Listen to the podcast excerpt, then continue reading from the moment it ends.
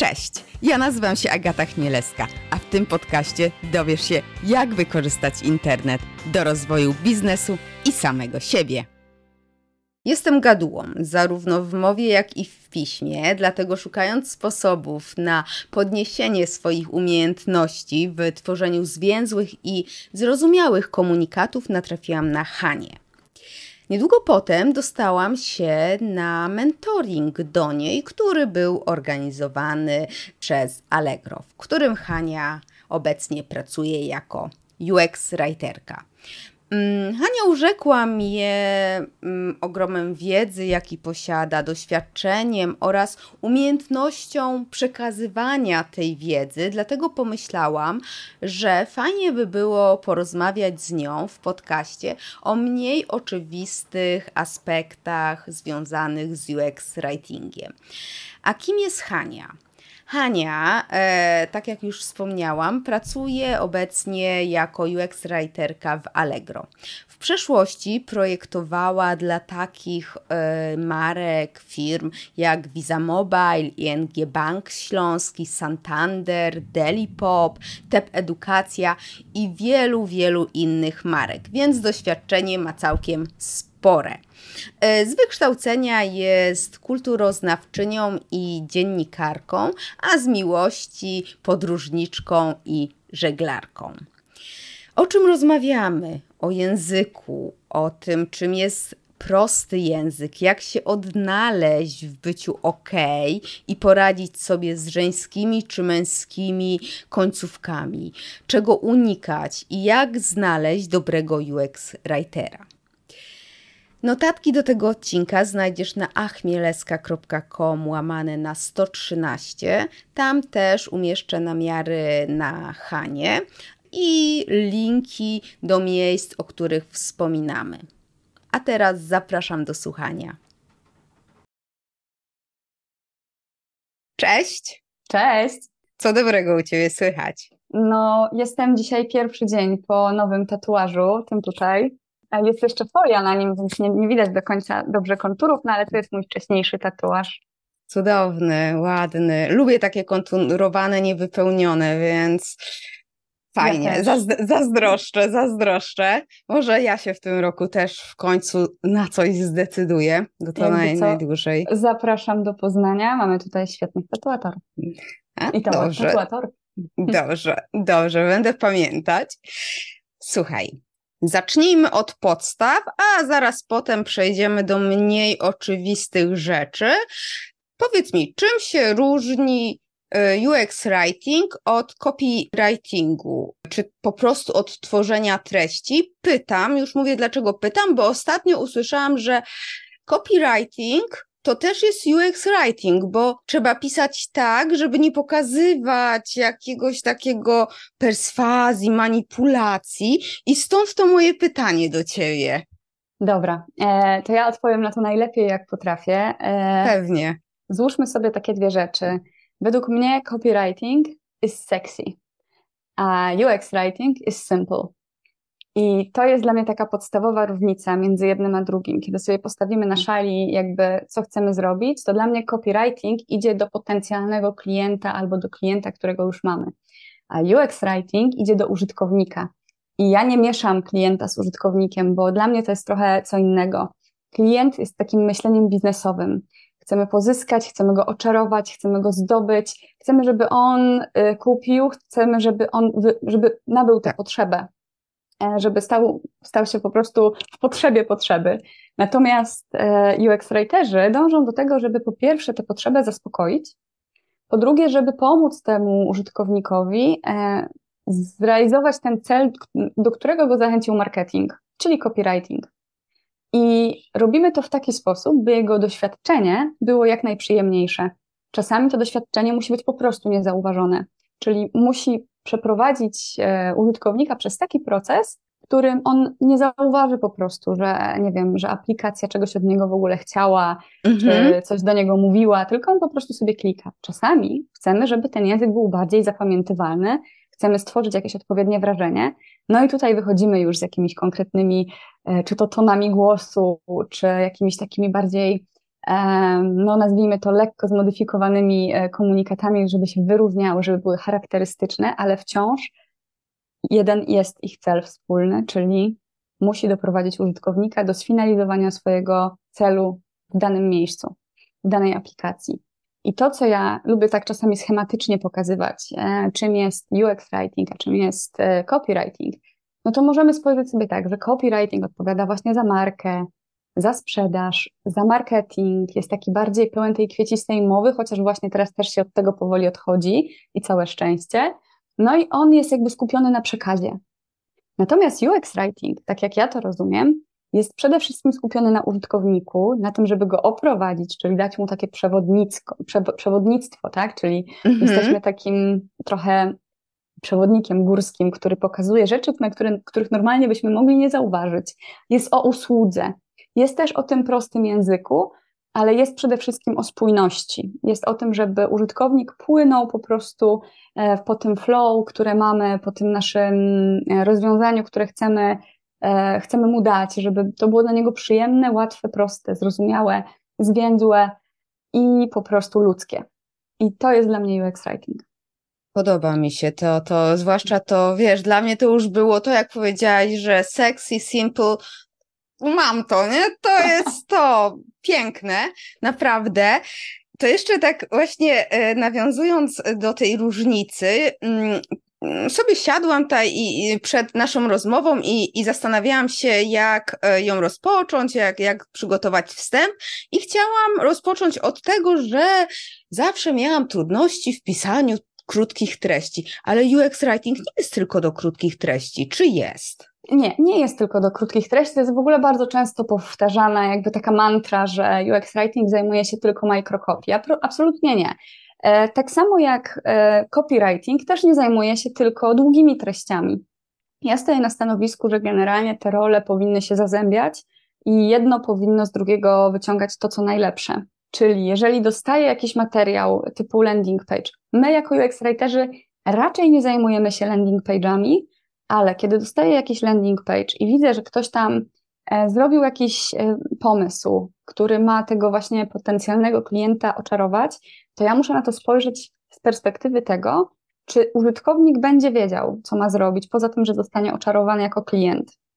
I ja wtedy do tego tekstu siadam, do tego landing page'a siadam, no i szukam w nim, e, czy instrukcja jest ok, czy jakby ta, nie wiem, ten przekaz, który mówi o tej usłudze, czy tej funkcji, czy o czymkolwiek, czy on jest na tyle prosty, że ja na przykład gdybym była e, babcią, to czy ja bym mhm. to zrozumiała? Zawsze uwielbiam się w ogóle w, jakby w siebie kłaść w takiej perspektywie jakiejś seniorki, seniora, e, czy osoby, która po prostu jest oderwana w ogóle od świata cyfrowego Dokładnie. E, nie mówię, że seniorzy są oderwani od świata cyfrowego, absolutnie nie są, ale chodzi mi tutaj o takie bardzo stereotypowe myślenie na temat tego, czy twoja babcia tak. po zrozumiała.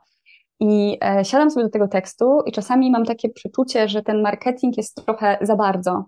E, I wówczas proponuję pewne zmiany i jakby staram się, żeby te dłuższe materiały też były logiczne i zrozumiałe. I fakt faktem, jako UX writerzy bardziej skupiamy się, wiesz, na baton, na przyciskach, e, tak. na fakach, na jakichś tam komunikatach, e, przykładowo komunikatach błędów, na tekstach w aplikacji, to nie zmienia faktu, czy formularzach, czy paskach menu, nie? Ale to nie zmienia faktu, że równie często przeskakujemy właśnie do takich materiałów dużo bardziej, powiedzmy, okrągłych, jak właśnie jakieś artykuły, jakieś teksty pomocowe, e, jakieś to, co często też się zdarza, no to uproszczenie procesu na poziomie na przykład umowy albo regulaminu, bo w teorii ani marketing, ani UX writing nie są dobrymi jakby działami do zajmowania się regulaminami, tak. ale w praktyce okazuje się, że zgłębiając z jednej i z drugiej strony wiedzę na temat chociażby prostego języka,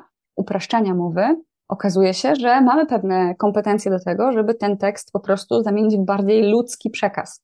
Nie zawsze oczywiście można to zrobić, tak. bo prawo i generalnie legal writing, jak to się nazywa, tak. rządzi się trochę swoimi prawami i warto jakieś tam dodatkowe kursy do tego porobić, żeby wiedzieć, co wolno, a czego nie wolno. Ale mimo wszystko, no też są to długie e, materiały, w których e, od czasu do czasu zdarza nam się rzeźbić i coś poprawiać, więc tak. A to co nie wyobrażam wsiadać do takiego długiego y, jakiejś umowy bankowej, albo właśnie, z, z, że tam nawet niektóre słowa nie są istotne, nie można innego użyć, a, a tego słowa y, ludzie mogą nie rozumieć zupełnie, no ale umowy tak, bankowe tak. to tak, żeby, nie wiem, ludzie nie czytają raczej, więc. Tak, ja się z tym często w ogóle spotykam jako um, w ogóle powód odmówienia mi. Um, możliwości zmiany przez dział prawny, że ludzie nie czytają. Ale okazuje się, że jeżeli to zbadamy i damy ludziom tekst, który jest e, typowym prawnym tekstem, a obok damy krótkie wyjaśnienie, o co nam w ogóle chodzi, tak e, skrótem tak. i jakimś takim mm, zręcznym zabiegiem językowym, wytłumaczymy, że no nie wiem, tutaj chodzi o to, żebyś e, na przykład potwierdziła, że wyraża zgodę na przykład na jakieś tam właśnie treści marketingowe, dajmy na to, nie? No to mi teraz przyszło tak. do głowy. I piszemy, jak to zrobisz, to będziesz dostawać od nas newsletter. Jak podpiszesz ten regulamin na przykład.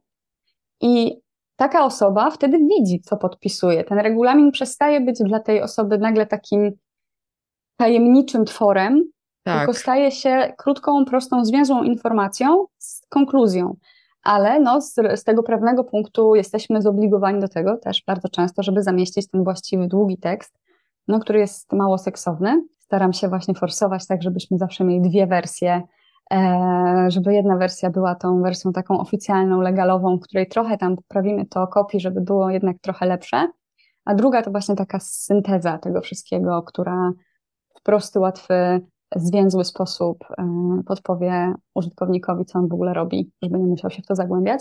No i okazuje się, że oni faktycznie czytają te krótkie teksty. Wtedy dla nich to ma sens. Tak. Także jest sposób, nie? To nie jest tak, że użytkownicy w ogóle nie czytają regulaminów, tylko jak im podasz to w dobry, w dobry sposób, czyli wiesz, e, nie, nie wiem, nie zrobisz e, ziemniaków gotowanych w wodzie, tylko zrobisz z tego pire albo frytki, to nagle okazuje się, że wszyscy to chcą jeść, nie? Tak, tak, tak, tak. To e, nawet mm, e, dobrym przykładem chyba jest aktualizacja regulaminów i są dwa podejścia. Jedni piszą, zaktualizowaliśmy regulamin, jak chcesz sobie go przeczytać, to kliknij tu albo otwórz załącznik, albo to nawet niedawno wy e, wysłaliście też aktualizację i przeczytałam, bo byłam ciekawa, co się zmienia, bo było dla kupujących zmiany, więc przeleciałam, zobaczyłam, aha, okej, okay, spoko i, i dalej już nie czytałam, nie? Gdyby faktycznie coś było takiego, żeby mnie zaciekawiło, yy, to bym pewnie przeszła dalej i przeczytała. Niektórzy to nawet właśnie, no w sumie to wy mieliście więcej zmian. Yy, ale niektórzy właśnie piszą, że zmienia się, yy, w sumie wy chyba też tak napisaliście, że, że zmienia się to dla ciebie to i to, będzie tak i tak, jak chcesz to właśnie przejdź yy, i, i to jest właśnie świetne, nie? Że, że zachowujesz to, nie wywołujesz poczucia z jakiegoś niepokoju, mhm. a jednak masz też to poczucie takiego bycia fair z klientem, bo to tak. jest też ważne. Tak, ja generalnie mam takie przeświadczenie, że dużo się dzieje teraz w takiej, w takim sferze, w takiej sferze jakby unikania e, w ogóle złych wzorców. I wiem, że teraz gdzieś tam właśnie w, na łamach e, ogólnie Unii Europejskiej, jakichś tam jej organów, toczą się teraz takie prace nad wprowadzeniem ustawy, która będzie kontrolowała tak zwane dark patterny. Czyli te wszystkie złe wzorce, które są w projektowaniu, typu, nie wiem, zostały ostatnie dwa miejsca w tym samolocie, albo e, tak. masz 30 sekund, żeby podjąć decyzję, czy kupujesz to, czy nie, bo potem już nie będzie w tej cenie. Tak. A po czym odświeżasz stronę i oczywiście znowu masz te 30 sekund. I wiele, wiele innych przykładów tych złych wzorców, tak? Czyli bazowanie na tych elementach, nazwijmy to ekonomii behawioralnej, którą e, znamy, tych elementach ekonomii behawioralnej, które mm, źle wykorzystane są manipulacyjne i właśnie to są te przykłady, tak? Właśnie te dwie minuty, e, dwa miejsca, czy cokolwiek. To wszystko jest takim aspektem dosyć złym.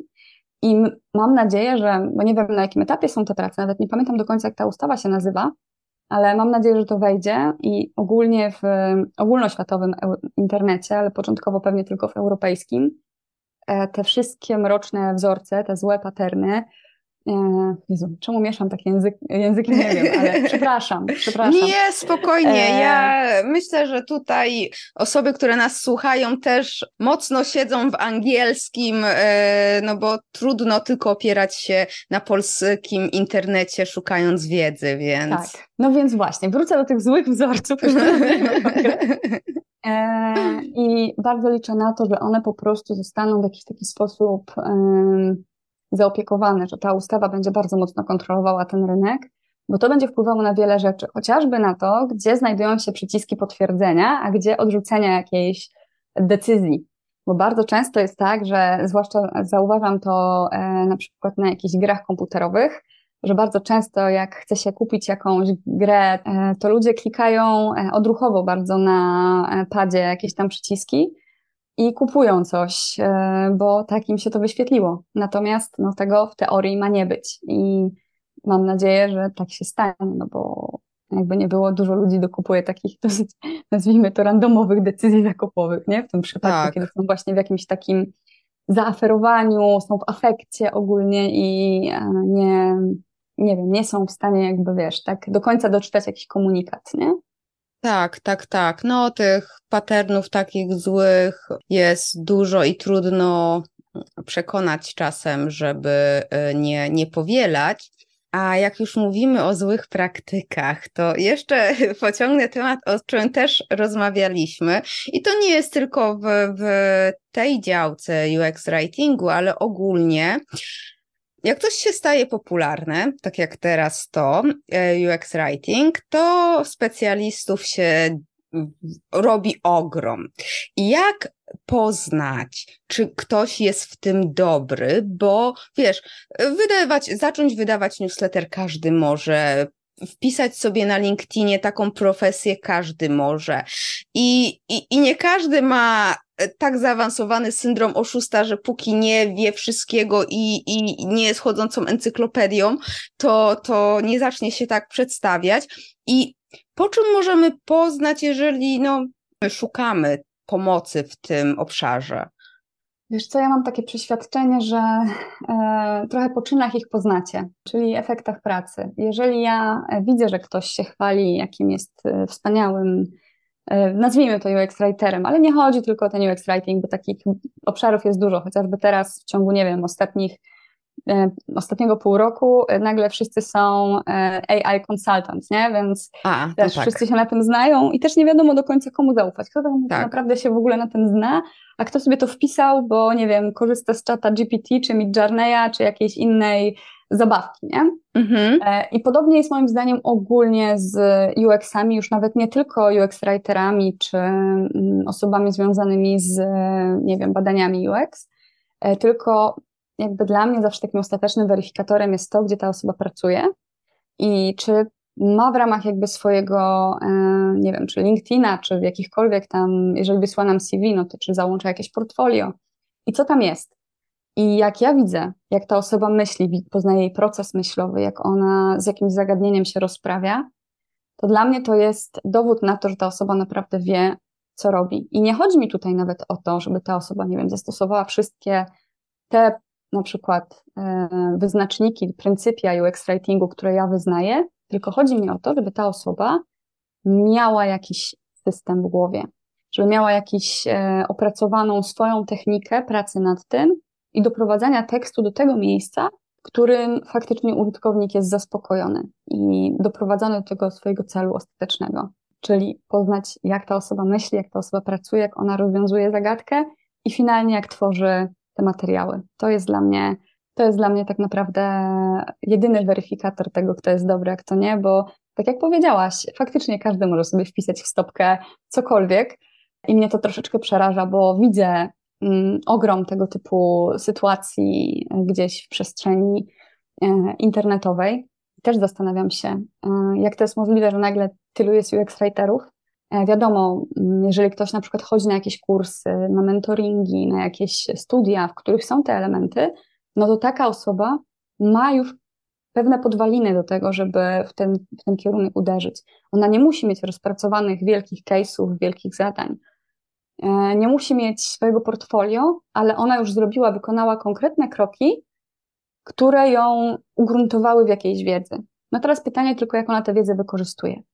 No to jest ten weryfikator, który dla mnie na przykład byłby niezbędny, gdybym Gdyby ktoś postawił teraz przede mną, przed Hanią, e, Elo, słuchaj, musimy e, zatrudnić jakiegoś UX writera i powiedz proszę, czy ta osoba się nadaje, no to ja bym musiała się z tą osobą spotkać i zrobić z nią krótkie warsztaty po prostu, żeby zobaczyć, nie, czy ten proces w ogóle jakby według mnie e, odpowie na potrzeby chociażby naszych użytkowników. Mhm. Nie, w tym przypadku. Tak, no, no dobrze, a ty się znasz na tym, a taka osoba, która się nie zna i dlatego szuka pomocy, to, to co, poprosić o konsultację właśnie z kimś bardziej doświadczonym, czy, yy, czy może jakaś checklista? E, tak, no my na przykład w naszej organizacji zrobiliśmy sobie coś takiego, zrobiliśmy sobie checklistę UX writerską, która ogólnie weryfikuje to, jak tworzymy treści na makiety, E, czy nie tylko na makiety, bo czasami w innych miejscach, ale taka checklista, żeby zweryfikować umiejętności UX-writera, no myślę, że tak, że można byłoby coś takiego przygotować, zweryfikować jakby, co ta osoba wie w ogóle o konkretnych zagadnieniach, tak? Czy wie, czym jest, e, nie wiem, prosty język, czy znajduje, czy zna w ogóle techniki e, tego, jak ludzie czytają, żeby wiedzieć, jak pisać do nich treści, czy zna jakiekolwiek techniki badania treści, nie wiem, czy potrafi, czy w ogóle zapoznała się z czymś, co teraz według mnie jest mega niezbędne w UX writingu, czyli z wytycznymi WCAG, żeby wiedzieć, jak pisać do każdego, jak pisać, może nie do każdego, ale do większości i w jaki sposób konstruować e, informacje w taki bardziej przystępny sposób, nawet nie biorąc pod uwagę samych osób z niepełnosprawnościami, tylko osoby, które mają pewnego rodzaju zaburzenia, na przykład, nie wiem, ADHD, dysleksja, czy mm, autyzm, w jaki sposób konstruować materiały dla takich osób. E, jeśli ta osoba e, popisze się wiedzą w takim, powiedzmy, odpytce i coś tam powie, co nam wyda się legitne, no to raczej można stwierdzić, że ta osoba coś tam wie. Ale ostatecznie myślę, że i tak e, takim ostatecznym weryfikatorem, walidatorem jest to, jak ta osoba pracuje po prostu, nie? To testować albo za, zabrać babcię na rozmowę. Tak, tak, tak, tak, dokładnie tak właśnie pomyślałam. Poruszyłaś, miałam cię o to zapytać właśnie, co to jest prosty język, bo to takie częste, gęste, ale prosty język. No. Wiesz co, e, prosty język, mm, ja w ogóle z taką śmieszną anegdotą się kiedyś spotkałam. E, na samym, samym początku, jak wchodziłam w UX Writing, to dużo osób do mnie mówiło, że no prosty język to podstawa e, UX Writingu. No ja stwierdziłam, no dobra, no to pójdę na ten kurs, dowiem się o czym jest ten prosty język. No i faktycznie, e, poszłam na kurs, oczywiście tutaj e, jakiegoś, nazwijmy to mentora ze szkoły Tomka Piekota, czyli eksperta w naszym kraju od prostego tak. języka. Odbyłam ten kurs i stwierdziłam, ok, dobra, to ja już wiem o czym to jest, wiem co to w sobie zawiera i jakby mm, przeszłam na taki poziom pod tytułem, dobra, będę to stosować. Prosty język to jest ogólnie pewien zbiór wytycznych, które mają upraszczać mowę e, z takim szczególnym naciskiem na te kwestie takie powiedzmy pism, mm, regulaminów, e, umów, e, materiałów dosyć nazwijmy to urzędowych. To jest sposób, w jaki można napisać treści w, taki, mm, w takim kierunku, by one były bardziej dostępne, przyjazne i wymagały jakby mniejszego wkładu um, takiego związanego z doświadczeniem, czy związanego z ogólnie percepcją, postrzeganiem. I są to czasami na, naprawdę proste rzeczy, jak chociażby sam fakt, żeby nie używać na przykład imię słowów typu przypuszczając, albo zakładając, albo zrobiwszy i tak dalej. Nie, jeżeli wytniemy tego typu słowa, okazuje się, że nam poziom trudności czytania tego tekstu bardzo spada i więcej osób jest w stanie go po prostu zrozumieć. I tutaj, mówiąc więcej osób, nie chodzi mi o to, że jest jakaś część społeczeństwa, która, nie wiem, jest, nie daje sobie rady z czytaniem, tylko jest część społeczeństwa, którą niekoniecznie interesuje to, żeby w ogóle czytać takie materiały, takie jakieś umowy i tak dalej. Jeżeli my im obniżymy poziom trudności, to oni i tak będąc do tego zmuszonym, bo będą, bo i tak by musieli przeczytać, przeczytają to mówię nie z przyjemnością, ale z łatwością. I to ja to jakby, to jest moja definicja, tak? Prostego języka. Oczywiście prosty język jest na wiele różnych sposobów tłumaczony, no bo już jest taką bardzo zaawansowaną dziedziną, więc sporo osób ma swoje e, jakby poglądy na to. Natomiast ja jakby z biegiem nabierania doświadczenia przekonałam się, że prosty język nie jest podstawą UX ratingu. Jest e, dodatkiem, jest pewnym, e, pewnym skillem, który, pewną umiejętnością, którą warto nabyć, którą warto wdrażać, ale nie zawsze jest on przydatny. I tak jak e, projektujemy czasem microcopy, to nie zawsze musimy skupiać się aż tak bardzo na tych wytycznych właśnie prostego języka, bo czasami mm, jeden przycisk, który jest e, nawet w tym imię słowie, nie mówię o, o tym, że należy go stosować, ale czasami jest to po prostu mhm. lepsze niż opisywanie tego bardziej dookoła. Bo niektóre przyciski po prostu muszą być intuicyjne i mamy tak wiele rzeczy wdrukowanych jako społeczeństwo, że moim pierwszym krokiem przy projektowaniu treści jest zawsze zbadajmy to jak ludzie myślą, jak ludzie mówią. Jeżeli w naszej firmie są wywiady i na przykład e, mam okazję uczestniczyć w wywiadach z jakąś specyficzną grupą, e, to ja bardzo często chodzę na te wywiady i sobie notuję, jak oni mówią, jakich oni słów używają specyficznych. Potem porównuję to, jak często te słowa specyficzne się pojawiają i jakby wyciągam to. To jest dla mnie dużo bardziej istotne niż same reguły prostego języka który właśnie tak jak mówię, z biegiem czasu okazał się być przydatnym dodatkiem, ale nie absolutnie nie bazą tego, czym my się zajmujemy. Tak, a to jeszcze właśnie mi się, y, jak, jak tak mówiłaś, to też mi się, anegdotka, no to też mi się właśnie przypomniało, że z drugiej strony ten prosty język w krótkich treściach też y, inaczej, może z drugiej strony, że często wpadamy w takie, jesteśmy w swojej bańce, nie? I ja mhm. napisałam treść, tam krótką treść newslettera do pracowników i napisałam spójrzcie na screenshoty. I koleżanka mnie poprawiła zwroty ekranów. Ja mówię, no tak, no jakie screenshoty? No ludzie nie muszą wiedzieć, albo jestem na spotkaniu tak. i mówimy, a to zrobimy testy AB. A co to są testy AB? Ja tak sobie pomyślałam, jeju, faktycznie ludzie mogą nie wiedzieć. Tak, tak. jak ktoś rozmawia o logistyce i ja tracking, okej, okay, sobie mogę coś tam skojarzyć, ale ten tracking może mieć wiele tak. znaczeń.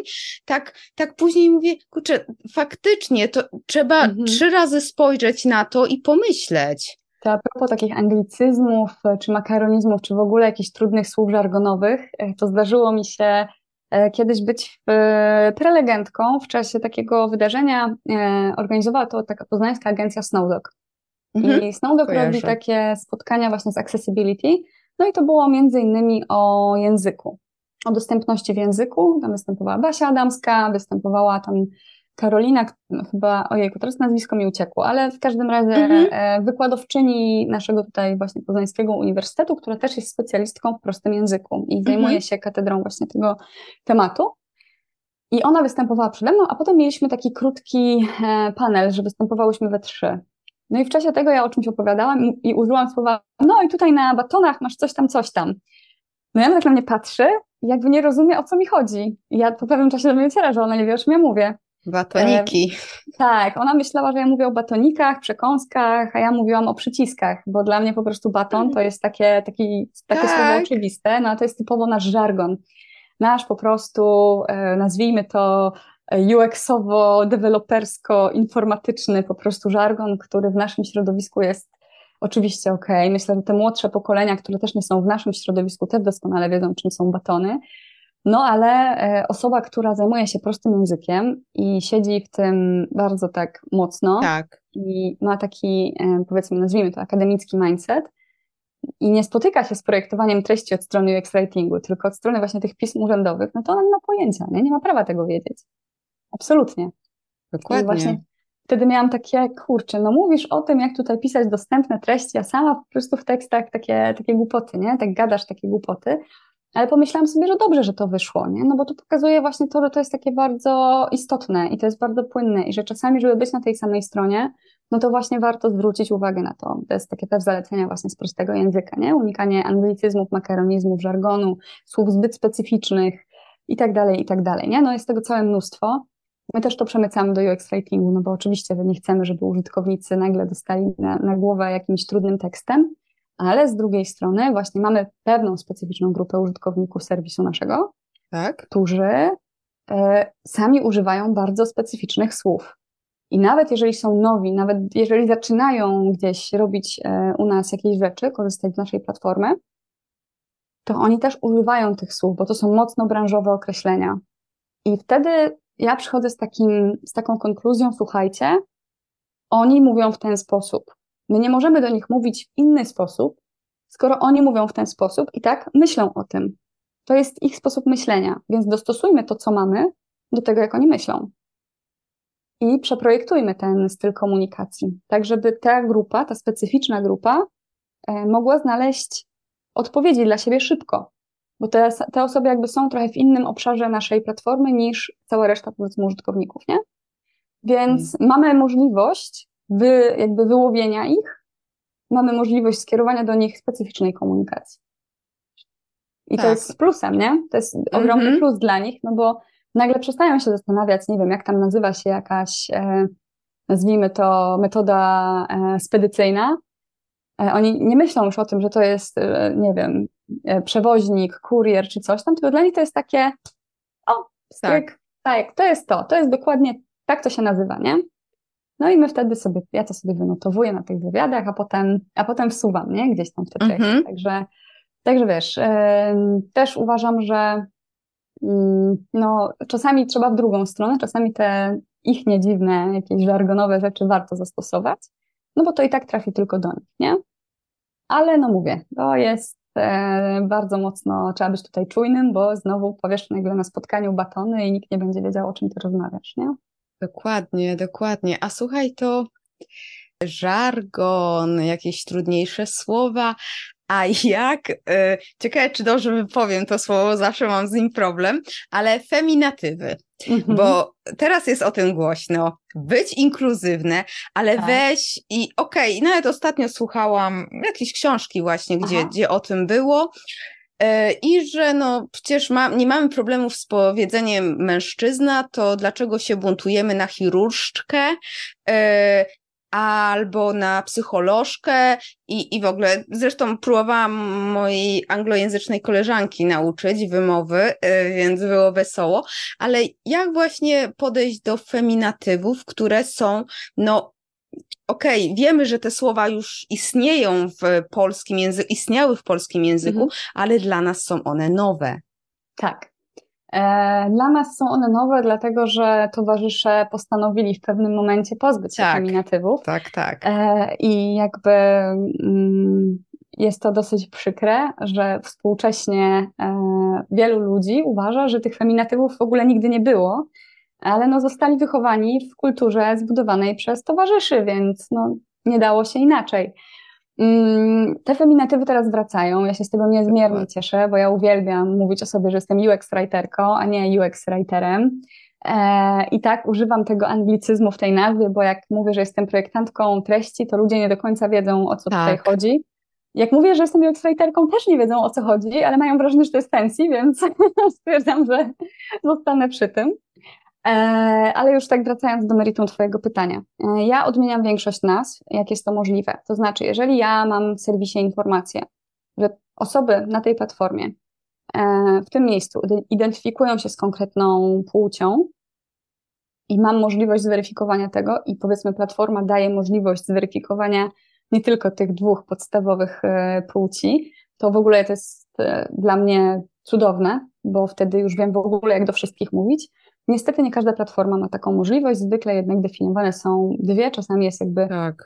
zaznacz, że nie chcę odpowiadać na to pytanie i, i tyle. I co się dzieje w sytuacji, w której e, ja mogę używać tych płci, ja ich po prostu używam, jak tylko mogę i to faleję z tym po prostu na maksa. No ale w sytuacji, w której nie mogę używać płci, bo mam jakiekolwiek wątpliwości, w tym właśnie sytuacja, w której Mam ogromny promil osób, które identyfikują się jako mężczyzna, ogromny promil osób, które identyfikują się jako kobieta i maleńki jakby zakres osób, które nie identyfikują się albo nie chcą podać swojej płci. To ja wtedy dochodzę do wniosku, że ja chcę ich potraktować równo. I jeżeli ja nie mam możliwości zdywersyfikowania na trzy różne sposoby komunikacji, to ja wtedy sprowadzam wszystko do jednego wspólnego mianownika, czyli staram się do wszystkich mówić w neutratywach, w neutralny sposób. Już tłumaczę. E, jest taka fajna strona, która nazywa się zaimki.pl.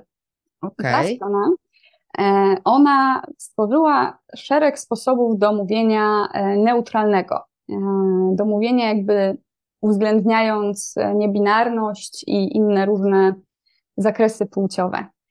I oni stworzyli szereg różnych rzeczy, takich jak iksatywy, dukatywy, osobatywy, neutratywy. To są cztery sposoby komunikacji, których e, na różne sposoby piszemy do ludzi. W osobatywach mówimy osoba korzystająca na przykład. Nie jest to ten imię słów korzystająca, no ale jakby jest to bliższe ludziom. E, w dukatywach e, odmiana jest bardzo specyficzna, na przykład chcemy powiedzieć, że ta osoba czekała na jakąś szansę, więc piszemy na taką szansę czekałum. Nie? Ta osoba czekała, więc ona czekałum. Mhm. E, osobatywy już mówiłam, iksatywy to jest taka najtrudniejsza forma moim zdaniem do wymówienia, bo ona zawiera po prostu mm, tam, gdzie w odmianie w języku polskim mamy mm, litery wskazujące na płeć, czyli A lub Y albo jakieś tam inne sytuacje, no tam wpisujemy X. No i ostatnia neutratywy to też jest pewien sposób odmiany, jak na przykład chciałabym powiedzieć w neutratywach, że jestem absolwentką, to mówiłabym jestem absolwenciem. E, I to jest też skomplikowane, ale tak. strona zaimki.pl e, podpowiada jeszcze parę rzeczy, które pozwalają nam umieścić po prostu swój sposób komunikacji w formie neutralnej. I ja e, bardzo mocno korzystam z formy neutralnej po prostu płciowo, to znaczy nie kieruję tego do żadnej płci.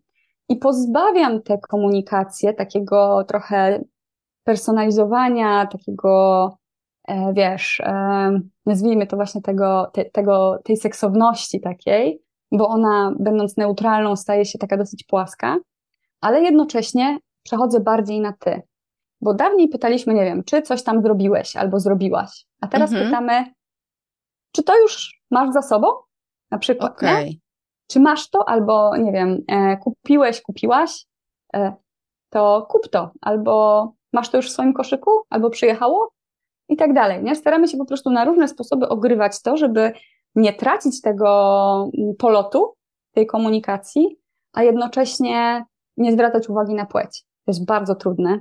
Trudne. Zwłaszcza jeśli mamy czas przeszły lub przyszły, albo przyszły przypuszczający, chciałabym e, i tak dalej, czy chciałabyś, na przykład, czy jesteś e, osobą zainteresowaną, nie? Albo czy chcesz w przyszłości coś tam. Nie? Tutaj trzeba kombinować po prostu z tyloma warstwami tego naszego języka polskiego, że to się w głowie nie mieści. Język angielski jest pod tym kątem dużo przyjemniejszy. Tak. Ale no niestety nasz konstrukt, konstrukt językowy jest taki, jaki jest i musimy pracować z tym, co mamy. Czasami niestety mm, pewne rzeczy nam tutaj utrudniają komunikację, bo tak jak powiedziałam o tych zaimkach, e, różnych formach właśnie tak. zaimkowania, czyli osobatywach, dukatywach i tak dalej, no to ja ich nie wprowadzam celowo, bo one mi się podobają. Jest nawet jedna książka napisana, zdaje się, w iksatywach cała, ale nie pamiętam, kto to zrobił. E, ktoś z takiego polskiego marketingowego świata, Babucki, ale nie wiem, czy to jest 100% prawdy, więc rzucam nazwisko, mm -hmm. ale nie, nie potwierdzam. -hmm. W każdym razie ja nie uważam, żeby pisanie książek, czy zwłaszcza materiałów e, cyfrowych tych y, odmianach było dobre. Dlaczego? To jest taki trochę paradoks inkluzywności. To znaczy, kiedy staramy się napisać coś w iksetywach, dajmy na to, już trzymajmy się tego, no to owszem, jakaś grupa ludzi nie będzie tego tolerować, bo niektórzy ludzie po prostu z założenia mają bunt przeciwko zmianom i tak, tak. już jest. Ale jest pewna grupa ludzi, która absolutnie toleruje osoby, które, nie wiem, określają się jako, dajmy na to, te niebinarne, czy jakiekolwiek inne, ale kiedy dostają na twarz nagle do wypełnienia tekst, w którym są, nie wiem, czy zrobił X, e, widzą ten tekst i mają taką blokadę pod tytułem, co właściwie się wydarzyło, czy to jest błąd, czy to jest literówka, czy o co tutaj chodzi. Dalej wrzucamy ten sam tekst, dajmy na to, to jest jakaś ankieta, do osób, które korzystają z czytnika głosowego w komputerze, czy w laptopie, czy w czymkolwiek, czy w telefonie. I ta osoba słucha ten tekst, słucha tego tekstu i ona nie wie, co tam jest napisane, bo te xy, czy podkreślniki, czy jakieś dziwne odmiany powodują, że no, to wykracza kompletnie poza możliwości poznawcze najzwyczajniej w świecie. Nie? Tutaj ta cała kognitywna strona leży. I to jest ten paradoks, nie? że nasze bycie czasami inkluzywnym, czasami takim właśnie dbającym o dostępność, może być odbierane zupełnie przeciwne, przeciwnie przez konkretne grupy ludzi. Więc jeśli my staramy się uwzględniać, nie wiem, feminatywy, czy właśnie osoby niebinarne i tak dalej, to musimy też pamiętać, że wśród tych grup, e, czy kobiet, czy osób identyfikujących się jako kobiety, czy wśród osób niebinarnych, jest też spora grupa ludzi, która ma jakiegoś rodzaju niepełnosprawność bądź zaburzenie. I teraz mamy w Polsce to są dane takie z czapki, nie jestem pewna, czy mówię teraz prawdę, czy to są takie dane bardziej zaokrąglone, mhm. ale wydaje mi się, że około 3,8 miliona ludzi, którzy mają stwierdzoną jakąś niepełnosprawność. Jakąś mam na myśli tutaj, że tak powiem, od ciała po mózg. E, I oprócz tych ludzi, którzy mają stwierdzoną niepełnosprawność, jest drugie tyle, które mają tę niepełnosprawność niestwierdzoną. Dobre ale... liczby mówisz, tak. No to tak mniej więcej się podaje. Tak, tak mi się wydaje właśnie. I dalej mamy trzecią grupę, czyli osoby z różnymi rodzajami zaburzeń. I te zaburzenia to właśnie wspomniane przeze mnie wcześniej ADHD, autyzm, dysleksja, e, nawet e, wiesz, takie rzeczy jak daltonizm. Te wszystkie rzeczy, czy to, to się inaczej nazywa chyba ten daltonizm, już to nie jest poprawna nazwa, no ale tak, generalnie tak. wiesz o co mi chodzi, nie? Że, mm -hmm. że mhm. są takie grupy ludzi, które nie są na nic chore szczególnie. Nie? Jakby, no nie nazywajmy ich e, chorymi, no ale mają jakieś zaburzenie, które utrudnia im, e, nie wiem, czy szybkie przyswajanie treści, czy e, rozumienie tej treści, albo skupienie się po prostu. I to też są osoby, o których musimy pomyśleć. Więc jeśli my im zaczniemy walić jakimiś iksatywami nagle, albo dziwną odmianą, która nie jest uczona w szkole, to te osoby odlecą. One po prostu znajdą się w tej chwili na Marsie i e, być może tam zbudują cywilizację i wszystko będzie w porządku i będą posługiwały się językiem, jaki chcą, no ale na, jak wrócą na planetę Ziemia, no to niestety dostaną strzała. I, yy, I to jest problem. Dlatego ja zawsze jestem, stoję na tym stanowisku, które gdzieś tak już przyjęłam yy, jakiś czas temu, myślę, że spokojnie z 2-3 lata temu, kiedy tak zaczęłam mocno to rozkminiać, że jednak ta forma neutralna pozwala nam na więcej. Pozwala nam zaopiekować większą grupę ludzi pozwalam mówić do większej liczby osób, które spełniają jakby te kategorie tych trzech grup jednocześnie i jednocześnie osób, powiedzmy, stereotypowo osadzonych w rolach damskich i męskich. Mhm, mhm. A jak tutaj właśnie y, poruszamy, to też y, y, męskie, damskie, o, na odwrót powiedziałam, nie to, co zapamiętałam, albo też powiedziałaś, żeby się zwracać bezpośrednio, to też e, może spotykasz na LinkedInie takie oburzające posty, że jo, to do mnie piszą na ty, ja sobie nie życzę, ja tutaj proszę pan. No kurczę, jak ja jeszcze mam zgadywać, czy ty się identyfikujesz jako pan, pani, czy nie. I wiesz, ja, ja serio, jak czytam te posty, to się tak zastanawiam, naprawdę ludzie nie mają problemów innych nad tym. Ale właśnie, jak... Y bazując na Twoim doświadczeniu, oczywiście, bo nie, nie możesz powiedzieć za wszystkich i jak to jest mhm. na, na, w całej Polsce, bo też o, o nasz kraj mi pytam. Mhm. E, czy jesteśmy już bardziej otwarci na to takie luźne komunikowanie się, e, bo, bo też tak, wiesz, ten angielski jest super, bo mówisz you i, i ja też tak. widzę problemy mhm. koleżanki, która uczy się, jest Amerykanką, uczy się polskiego i ona zawsze mówi, czy ja powinnam powiedzieć dzień dobry pani, dzień dobry panu? Ja mówię, nie, nie używaj tego pani, panu, tylko pa, dzień dobry już teraz tylko, ale też ona uczy się z książek tego polskiego i ma Dy, tak, dysonans poznawczy. Mhm. Tak. E, dobra, ja tobie powiem tak. E, powiem tobie, jakby będę przechodziła przez opowieść, bo tak mi się to skleja. E, jeśli chodzi o mnie i o to, jak ja czasami myślę właśnie o komunikowaniu się właśnie z konkretną grupą użytkowników e, naszej platformy, to jest tak, że wychodzę z założenia, że oni mają takie poważne role i chcą być traktowani poważnie, ale przez lata nauczyliśmy ich, że oni są naszymi partnerami. Więc e, wychodzimy do nich per e, tobie, zawsze piszemy, mhm. zawsze piszemy do nich z szacunkiem. To nie jest takie wyluzowane, ale przechodzimy na to ty, żeby zachować ten taki partnerski wydźwięk tego, e, co tam ma być de facto przekazane. I to się spotyka ze zrozumieniem. Oni już nie mają problemu z tym, że przestali być panami, państwem czy paniami, tylko już jest, są ok, że są jakby na równi z nami, tak? Mhm. I to jest super. Ja myślę, że do tego wszyscy powinniśmy dążyć. Jeśli mnie pytasz o to, jak jest w Polsce, to ja pamiętam moja pierwsza, pierwsza taka poważna praca to było na, e, w tak zwanym back office jednego wtedy wchodzącego na polski rynek, e, wtedy wchodzącej na polski rynek firmy telekomunikacyjnej. E, z, możecie kojarzyć z takimi fioletowymi kolorami wówczas, teraz chyba też. I ta firma weszła z takim mocnym postulatem, żeby mówić na ty. I ja, jako że pracowałam wtedy w back office, czyli w takim zespole, który zajmował się obsługą głównie trudnych klientów, którzy pisali długie listy z informacjami, jak im się tutaj e, nie podoba, że my do nich piszemy na przykład na ty, e, to jakby musiałam w tych jakby odpowiedziach, które czasami zamieszczałam, w taki sprytny sposób argumentować im, no ale przecież ziom, my się znamy, nie? I jakby po pewnym czasie to ludziom przechodziło, nie? Ten taki taki, e, Jezu, chciałam anglicyzm znowu wprowadzić, to takie agresja, niezrozumienie e, tego, że my do nich zaczęliśmy nagle nie mówić per państwo, szanowni państwo i tak dalej.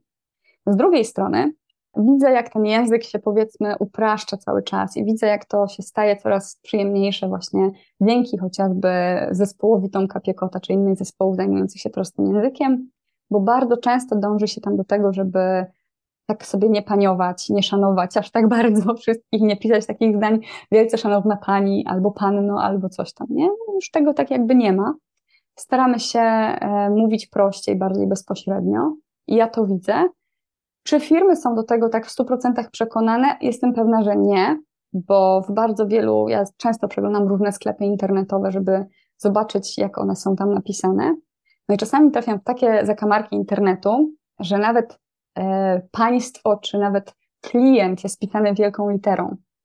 E, ja no mam Nigdy nie wiem, jak to napisać. No, no, no, właśnie, nie? bo ludziom się wydaje, zwłaszcza jak mają jakąś sprzedaż, że klientom będzie milej, jak przeczytają to z wielkiej litery.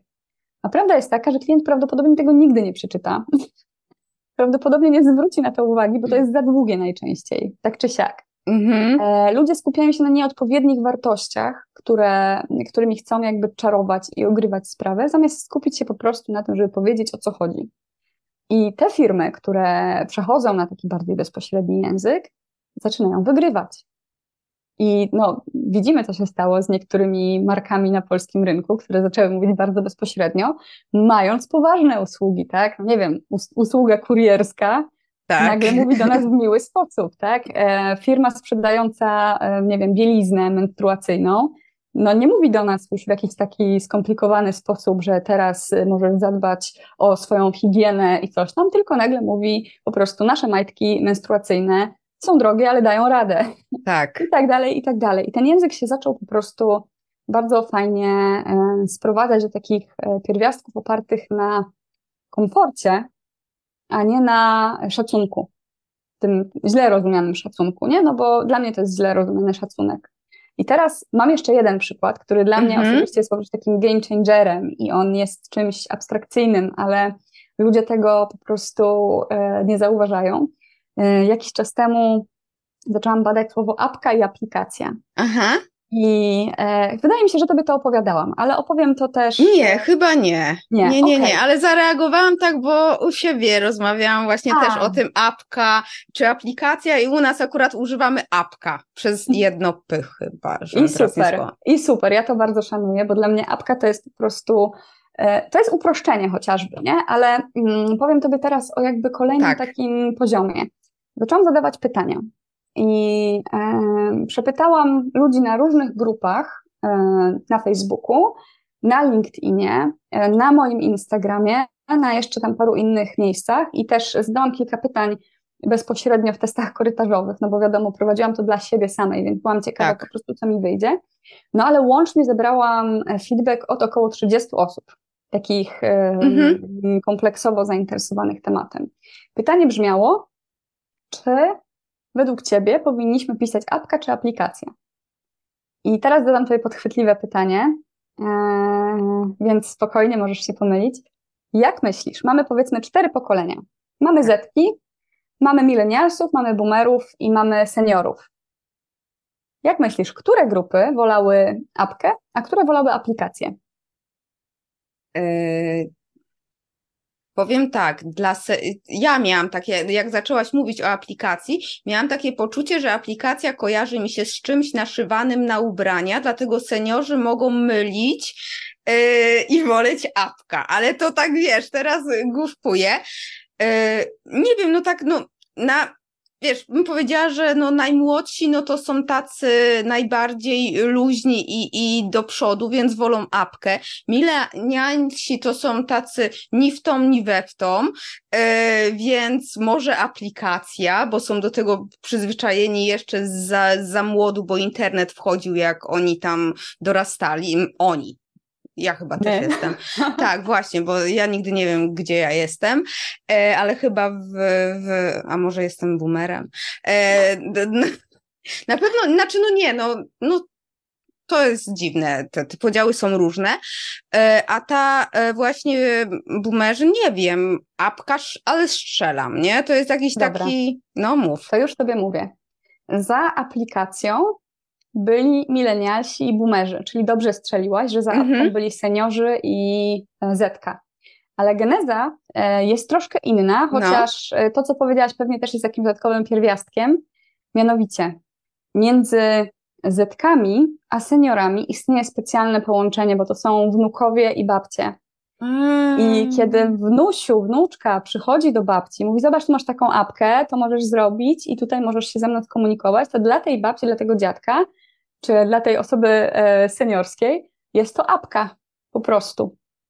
E, no tak. I tyle. Druga rzecz jest taka, że kiedy próbuje się im tłumaczyć coś jako aplikację, to oni kojarzą aplikację może nie tyle z czymś na ubraniu, co bardziej z pójściem do sądu, do urzędu, aplikowaniem o pracę, tego typu skojarzenia u nich się z tym wiążą. Oczywiście to mówię, to jest bardzo mała próba, więc mm -hmm. być może te, te, moje założenia są błędne i trafiłam po prostu na grupę, która mi przypasowała jakoś swoją koncepcją.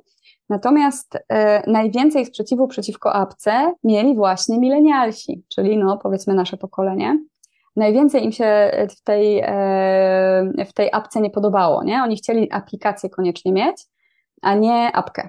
I apka dla nich wydawała się niepoważna, e, taka mm, pozbawiona szacunku. Dlaczego? Dlatego, że milenialsi zostali wychowani właśnie e, przez boomerów, dla których życie było poważne, dla których, jak się mówiło na ty, to był brak powagi. Boomerzy, ostatnie pokolenia pamię pamiętające jeszcze towarzyszy, no więc wszystko tam było wtedy pisane w taki poważny sposób. W końcu jesteśmy poważnym narodem te wszystkie rzeczy były takie bardzo, bardzo, e, wiesz, spięte, nie? Były na, na takim dużym napięciu i były, było duże przekonanie o tym, że e, wszystko musi być e, pod krawatem. I milenialsi to przejęli niejako od boomerów jako naukę wrodzoną, że nie wiem, poważna strona musi do mnie mówić poważnie. Czyli ZUS nie może do mnie napisać siema. Mhm. Ale ja potem tak myślę o tym. E, zaczynam to analizować, nie? I myślę sobie, jaki jest problem z tym, żeby ZUS mówił do mnie siema, nie? Jakby ja bym się czuła dużo milej, znaczy może niekoniecznie z słowem siema, ale tak, tak. jakimś no, no, cześć po prostu. Cześć, hej. Tak, i y, jakby właśnie przestałaby mnie straszyć ta instytucja tym swoim witaj, zobacz, jakie są twoje problemy z urzędem skarbowym i tak dalej, jakbym dostała informację po prostu, e, cześć, tutaj wejdź, żeby e, dowiedzieć się, co możesz zrobić, aby. Nie? I od razu mam takie myślenie, wow, po prostu tam są ludzie, a nie te straszne maszyny.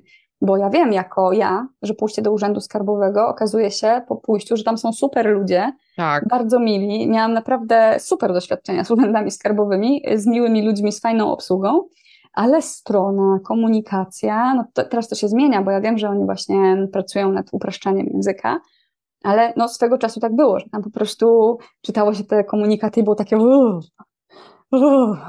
nie chcę, nie? Dokładnie. sama, sama myśl o zrobieniu czegoś straszyła, więc ja bardzo nie rozumiem tego myślenia właśnie takiego pod tytułem, że poważne aplikacje do mnie muszą mówić poważnie. Tak samo jak aplikacje o zdrowiu. Gdzieś właśnie w toku tych moich wywiadów pojawił się taki zarzut, że nie wiem, że aplikacja prywatnej opieki medycznej nie może do mnie mówić w miły sposób, bo ja tam przychodzę się zbadać po coś poważnego. Ale ja sobie myślę, kurczę, no właśnie dokładnie odwrotnie. Ja bym wolała, żeby ta usługa mnie nie straszyła tym, że zaraz mm. mi mhm. tutaj coś znajdą, tylko żeby mnie zachęciła do tego, żebym dbała o swoje zdrowie. I miły, a poważny to się nie wyklucza chyba. Dokładnie, no. miły i poważny się nie wykluczają, więc ja absolutnie nie rozumiem, dlaczego, e, nie wiem, aplikacja tej prywatnej usługi medycznej nie może być apką. No bo to jest apka, to jest coś małego, tak. coś, co instalujesz na swoim telefonie i jest. To nie jest podanie ani nic takiego, więc ja zaczęłam się bardzo dużo od tych seniorów, szczerze mówiąc, uczyć. Tak jak powiedziałam na początku, e, tak jakby powiedziała mi to babcia, i zaczęłam ten język przejmować. I przyznam szczerze, naprawdę warto. Naprawdę warto, nie? Uczyć się e, tego sposobu komunikacji, no bo wydaje mi się, że właśnie seniorzy to są tacy ludzie, którzy łączą bardzo dużo z tym najmłodszym pokoleniem, ale jednocześnie nie brzmią przy tym dziwacznie. I tak. jest coś takiego, nie? Przy projektowaniu komunikacji, że nagle jakby nasza usługa zaczęła komunikować się w stylu e, dziwnym, takim udającym właśnie młodzież, no to ci ludzie by totalnie w to nie uwierzyli, nie? Dla nich to był, byłby taki kompletny e, oszust, nie? Ktoś, kto się podszywa. Ale jak próbujemy to robić w trochę takim innym kierunku, to oni uważają, że to jest nawet takie urocze, nie? Więc warto z tym kombinować, tak ogólnie rzecz ujmując. I chyba tak skończę moją wypowiedź na temat, e, na temat e, powagi w mówieniu. Okej, okay, a zobacz, bo też taki przykład z życia, luźny język, fajna komunikacja, taka e, luźna, przyjemna, ale wiadomo, e, ty czy twój zespół nie jesteście w stanie e, pilnować wszystkiego, co wychodzi od sprzedaży, od marketingu. I wiesz, i ty tutaj sobie budujesz e, spójność na stronie, a sprzedaż wysyła jakieś pisma, które rozpoczyna, czy tam maile, szanowni państwo. I w tym momencie jeszcze to jak jako właściciel firmy, czy osoba, która no, tym PR-em, tym właśnie mm, wizerunkiem e, firmy się zajmuje, czy, czy jest sposób, żeby jakoś to uspójnić? Edukacja chyba. Tak, edukacja. Wiesz co, no my teraz w naszej organizacji e, jakby wprowadziliśmy bardzo fajne narzędzie, bo bardzo martwiło nas to, że różne zespoły komunikują się, e, przekazują komunikaty w różny sposób. I o tyle, o ile były to zespoły właśnie edukacyjne czy związane z komunikacją produktu, to te zespoły bardzo mocno wystrzegały się pewnych rzeczy, trzymały się wyznaczonych przez siebie, bo nie przez nas, ale przez siebie reguł, i te reguły spinały się z naszymi, bo oni bardzo mocno stawiali na prosty język, albo stawiają nadal. E, I mają pewne wytyczne co do tych swoich sposobów komunikacji. Przykładowo ten regulamin, który ty dostałaś, to nie jest mhm. coś, co my tworzyliśmy, tylko tworzył zespół, który jest dedykowany do inform informowania o zmianach w regulaminie. I maila też? Tak. Tak, mail no, prawdopodobnie poszedł jak, tam też przez jakieś marketingowe kanały, tego nie wiem, ale ale ten, ten komunikat, który ty otrzymałaś, jestem w 100% przekonana, że tworzył go zespół odpowiedzialny za edukację. I to są zespoły, które mają wdrukowane swoje wysokie standardy do komunikacji, do upraszczania języka i tak dalej. Z drugiej strony, tak jak mówisz, jest cała, cały marketing, cała sprzedaż, mnóstwo elektronów też takich wolnych, które czasami po prostu coś zakomunikują, tak. co nie tak. zgadza się z naszymi wytycznymi i chcieliśmy w jakiś sposób dać um, zespołom narzędzie do tego, by wszyscy mogli być na tej samej stronie. I doskonale wiemy, że nie do wszystkich obszarów te nasze wytyczne się nadają, no bo umówmy się, tak, nasz język jest simple, nie sexy, ale możemy zawsze dawać jakiś taki input i też zainspirowaliśmy kilka zespołów do stworzenia podobnego narzędzia bazującego na tym naszym. Nie wiem, czy one już powstały, ale wiem, że takie głosy się pojawiały.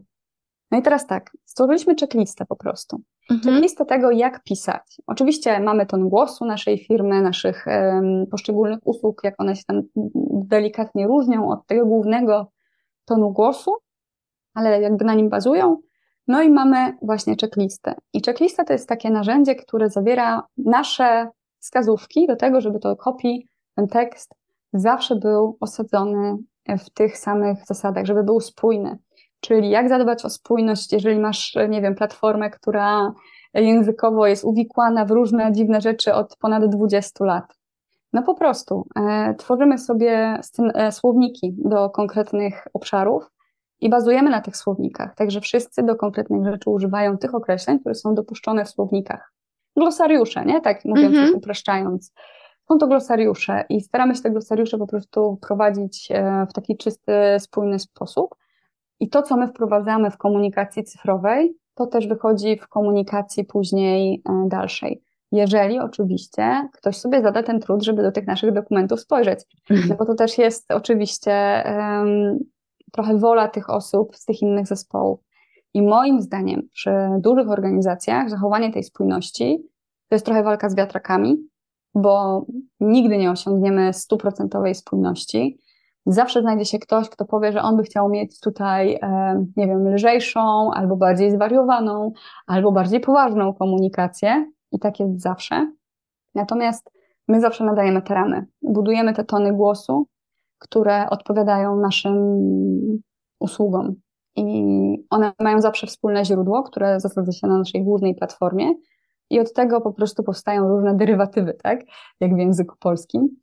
I e, staramy się na tym bazować, żeby jakby taką spójność główną zachować, plus dajemy zespołom narzędzie do weryfikowania swoich tekstów, czyli e, sprawdzeniu, czy właśnie tekst jest spójny, gdzie znajdą narzędzia do sprawdzania spójności e, i gdzie są te słowniki, gdzie znajdą informacje o tonie głosu, jak mogą napisać tekst w zwięzły sposób, jakich słów nie używać, takie też no-go, nie? Do tego wszystkiego. W jaki sposób napisać, właśnie pisać do płci konkretnych i czy te płcie w ogóle uwzględniać.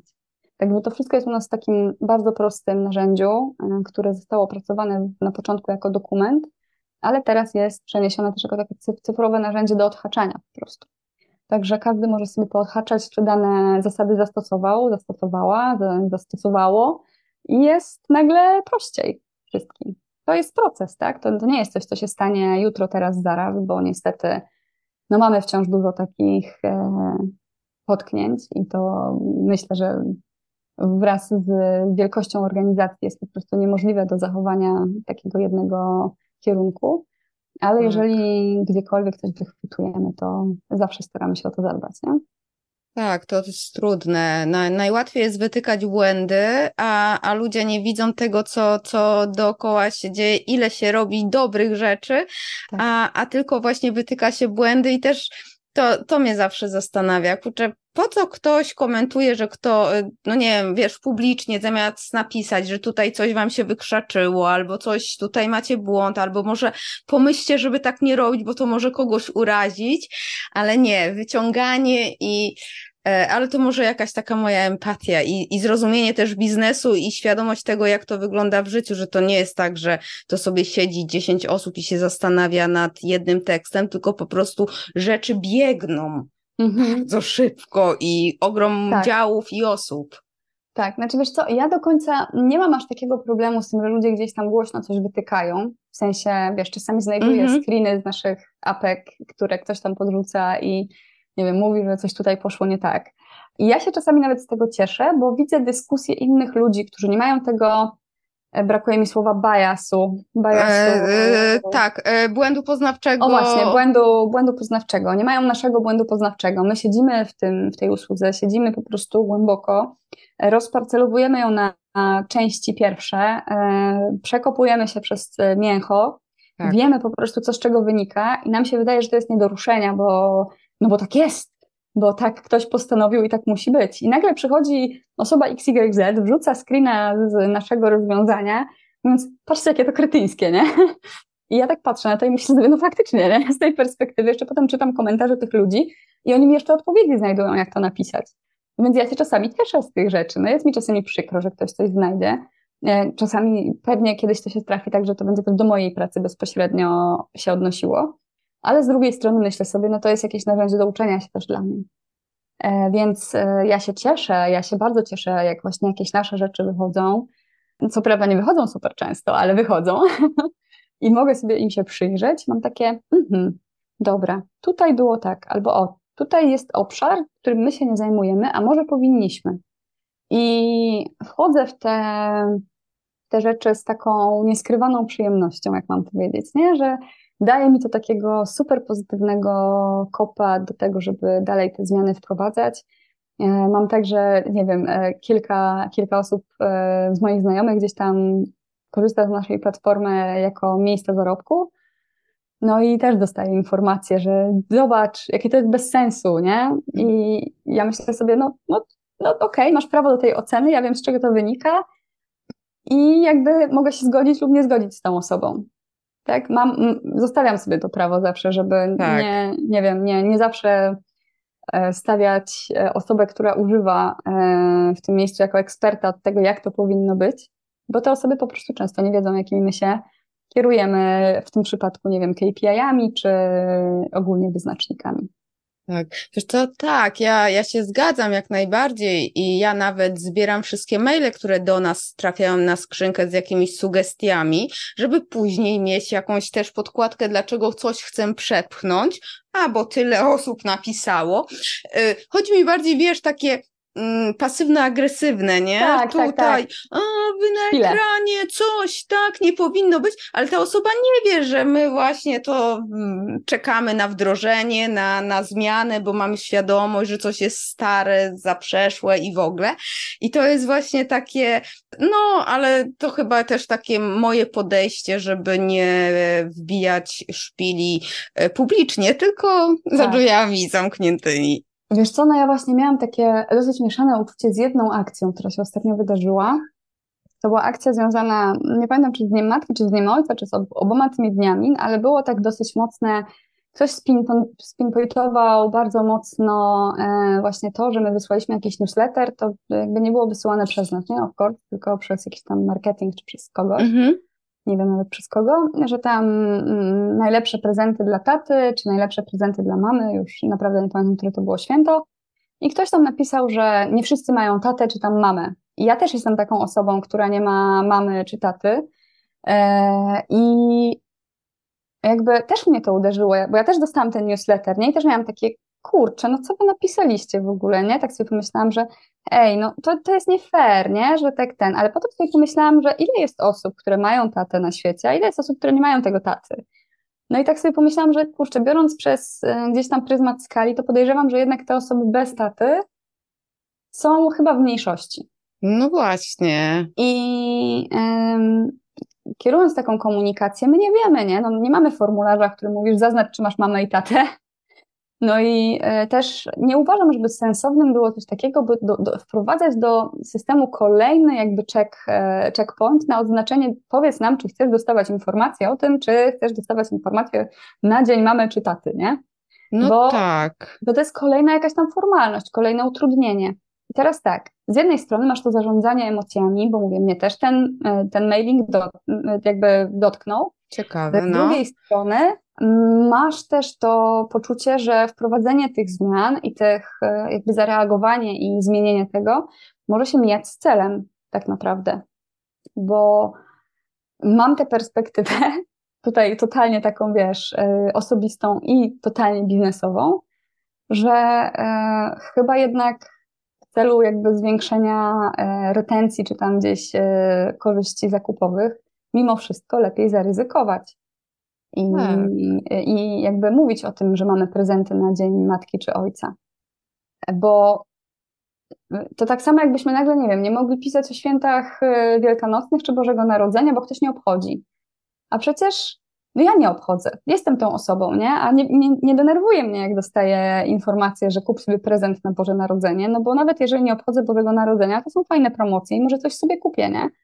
I wiesz, y, nie, nie traktuję tego wszystkiego tak super osobiście. I wydaje mi się, że też, y, jak zaczęłam się nad tym zastanawiać, to dotarło do mnie, że jest pewna przesada w tym wytykaniu właśnie tego typu błędów. I jakby jasne, zgadzam się, że można było to napisać na pewnie inny, w inny sposób, żeby to mniej tam dotykało. Już nie pamiętam, jak to było napisane, wiesz, ale y, ja też nie jestem taką osobą, która, którą rusza wszystko, a to mnie gdzieś tam tak bo może to po prostu emocjonalnie cię poruszyło i tak, wiesz. Tak, bardzo możliwe, mm. nie? W każdym razie, no wiesz, był, był gdzieś taki e, pain point w tym wszystkim i e, dosyć mocno to rozkminiałam właśnie, ale moja finalna, jakby teraz gdyby mnie ktoś zapytał o to, czy robić, czy nie robić, to bym powiedziała, że robić. Mhm. Jak najbardziej robić. Ja e, zaskoczyłaś mnie, przyznaję, że, że tym, że właśnie cię to. Ja też nie mam e, taty, więc, e, więc rozumiem cię, ale ja chyba mam ten jeszcze mindset marketingowy, że no hello, to jest święto i to po prostu tak właśnie jak y, święta Bożego Narodzenia, to samo co powiedziałaś. Gdybyśmy mieli teraz, a dlaczego nie wysyłamy na święta, nie wiem, protestanckie teraz, przecież dużo jest protestantów w Polsce, tak? Albo E, no właśnie, że, że wysyłamy na święta Bożego Narodzenia i okej, okay, jeżeli y, ktoś użyje, bo przecież wszyscy mamy mamę i tatę, to okej, okay, to już jest, y, to może być trudne, nie? Nie halo, ale, ale ja chyba mam właśnie takie poczucie, że za dużo miałam takich rozkmin i stąd mam tą taką łatwość akceptowania wszystkiego, nie? Że mhm E, że, że się nie. Tak samo z, e, z feminatywami e, też mam. Okej, okay, jak chcecie, nie? Po wysłuchaniu tej książki sprawdziłam żeńska końcówka języka. Nie wiem, czy słuchałaś, ona jest trochę taka buntownicza. Fajnie opowiada historię, właśnie to, co powiedziałaś. Polecam posłuchać, ale ja sama miałam takie, że ta pani, ta, ta autorka była taka aż agresywna za bardzo, aż tak. Okay aż, aż mówię, nie, no przesadzasz kobieto, ale dla ciekawości, dla tych informacji, skąd jest tak, a nie inaczej, albo właśnie jakie mamy problemy z żeńskimi narządami płciowymi i w ogóle, e, to polecam posłuchać albo przeczytać, jak, jak kto woli. Ja sobie to słuchałam jak, jako taką hi historyjkę e, i, i to mi tak trochę przekonało, znaczy nie trochę, nie mam z tym problemu, żeby mówić, że jestem nieprzekonana, ale zrozumiałam, skąd osoby, mm, którym zależy na tym, żeby używać tych żeńskich końcówek, skąd to jest, nie? Już mhm. teraz mam taką większe, pewnie będę na to bardziej jeszcze zwracała uwagę w swojej tak. komunikacji. To jest, myślę, że ważne, nie? Żeby ogólnie e, zwracać uwagę, jak w ogóle jak ten język się zmienia i na to, jak język kształtuje rzeczywistość. Ja do tego, co powiedziałaś, dorzucę jeszcze jedną rzecz do przesłuchania, no to oczywiście słynnego TEDa Macieja Maxelona, tak. który świetnie opowiada o feminatywach. Rewelacja. I równie, tak, i równie fajnie, e, teraz tylko nazwisko mi uciekło z głowy, ale sobie sprawdzę szybciutko, e, Instagram Mateusza Adamczyka. Mateusz Adamczyk to jest taki, e, no taka młoda osoba, ale już mhm. bardzo doświadczona i naukowo, nie wiem ile on może mieć lat, no pewnie ma około tej trzydziestki, chyba robi doktorat albo już jest doktorem e, właśnie na jakiejś katedrze filologicznej i znakomicie owala mi to języku polskim.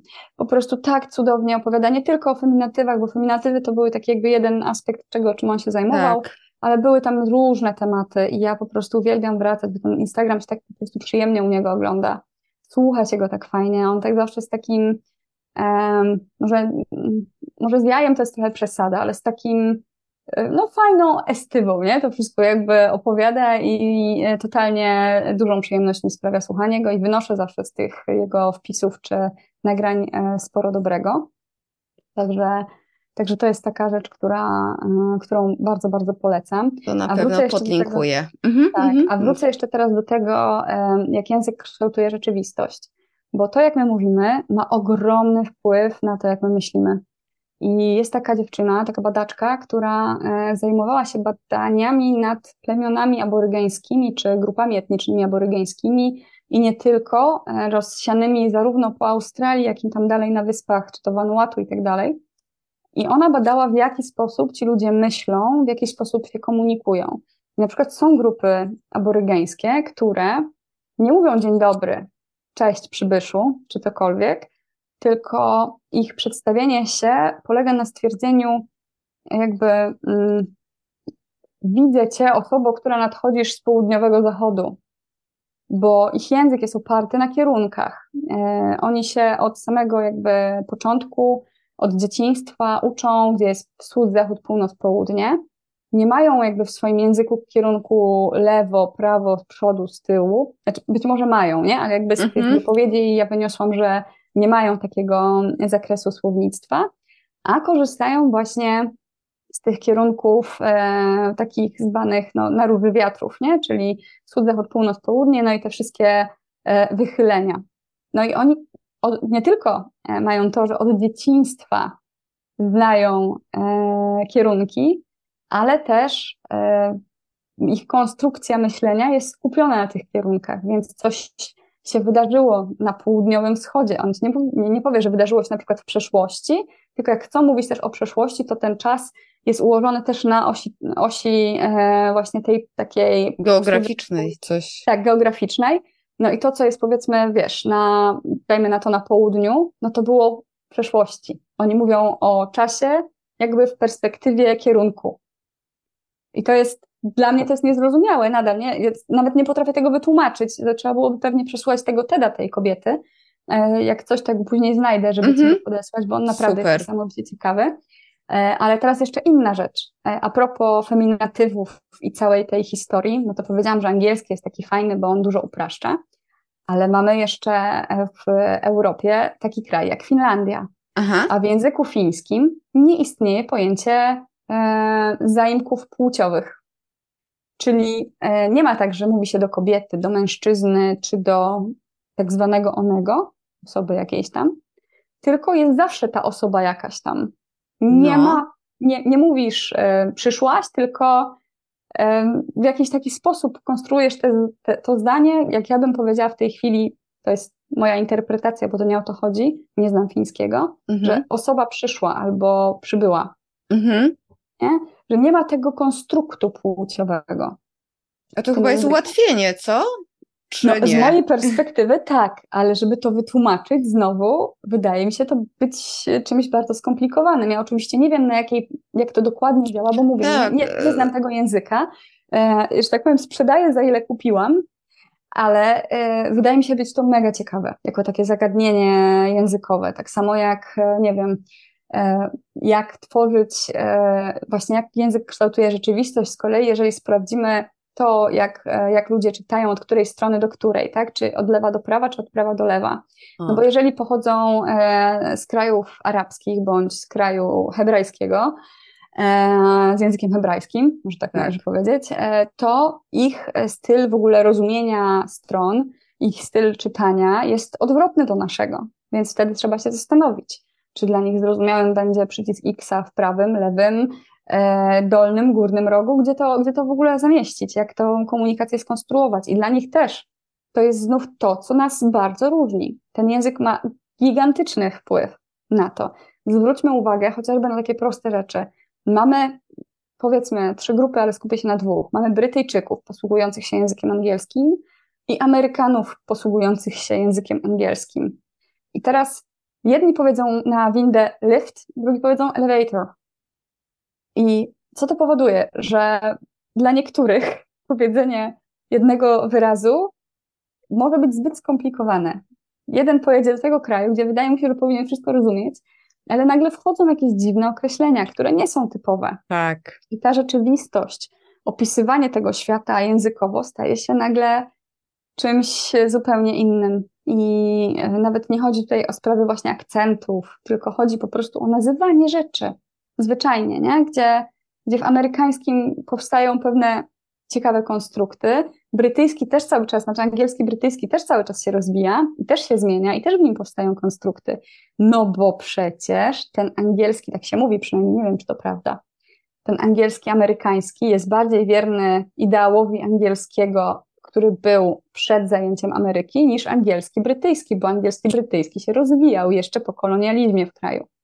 A angielski amerykański jakby osiadł trochę w tamtej rzeczywistości nie? I nie rozwinął się w tym samym no kierunku. Okej, okay, okej. Okay, nie wiem, wow. czy to jest prawda, nie? Jakby to jest jakaś taka, um, taka rzecz, którą usłyszałam, nie zweryfikowałam nigdy, ale wydaje się być to po prostu mega ciekawą teorią na temat e, w ogóle tego, jak e, język działa, jak oddziałuje na świat.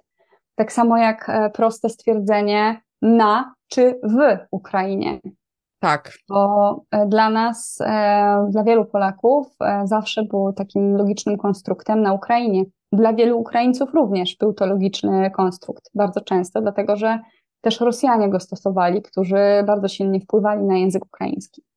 Tak. I to się zmienia. My na przykład jako Allegro stosujemy w Ukrainie i pojawiło się to takie dosyć mocno mm, zaakcentowane właśnie przez nas e, na początku 2022 roku stwierdzenie, żeby tak właśnie mówić, bo Ukraina nie jest naszą krainą geograficzną, nie jest czymś, co my podbiliśmy i mamy nadal, tylko jest krajem, który ma osobną mentalność, osobny styl funkcjonowania, tak. myślenia, niezależność i dlatego należy o tym mówić wy.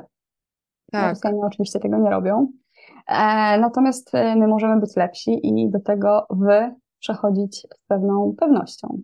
Tak, ale to o tym właśnie wy to zaczęliśmy stosować i się pilnować, jak, jak wybuchła wojna, nie? Że taki szacunek i takie, żeby, że, że, że zauważyłam, że e, i nawet teraz, jak tak widzę, że ktoś napisze na Ukrainie, tak mówię, mm, to jakoś tak nie, nie, nie wiesz, że tak się nie powinno, takie już jest takie tak. zdziwienie e, z tak. mojej strony. Ale tak. to też e, na, na, e, nawiązując do tego, co powiedziałaś, brytyjski i amerykański, to gdzieś na, mm, w internecie oczywiście znalazłam, że na przykład jest I am sick, I am ill.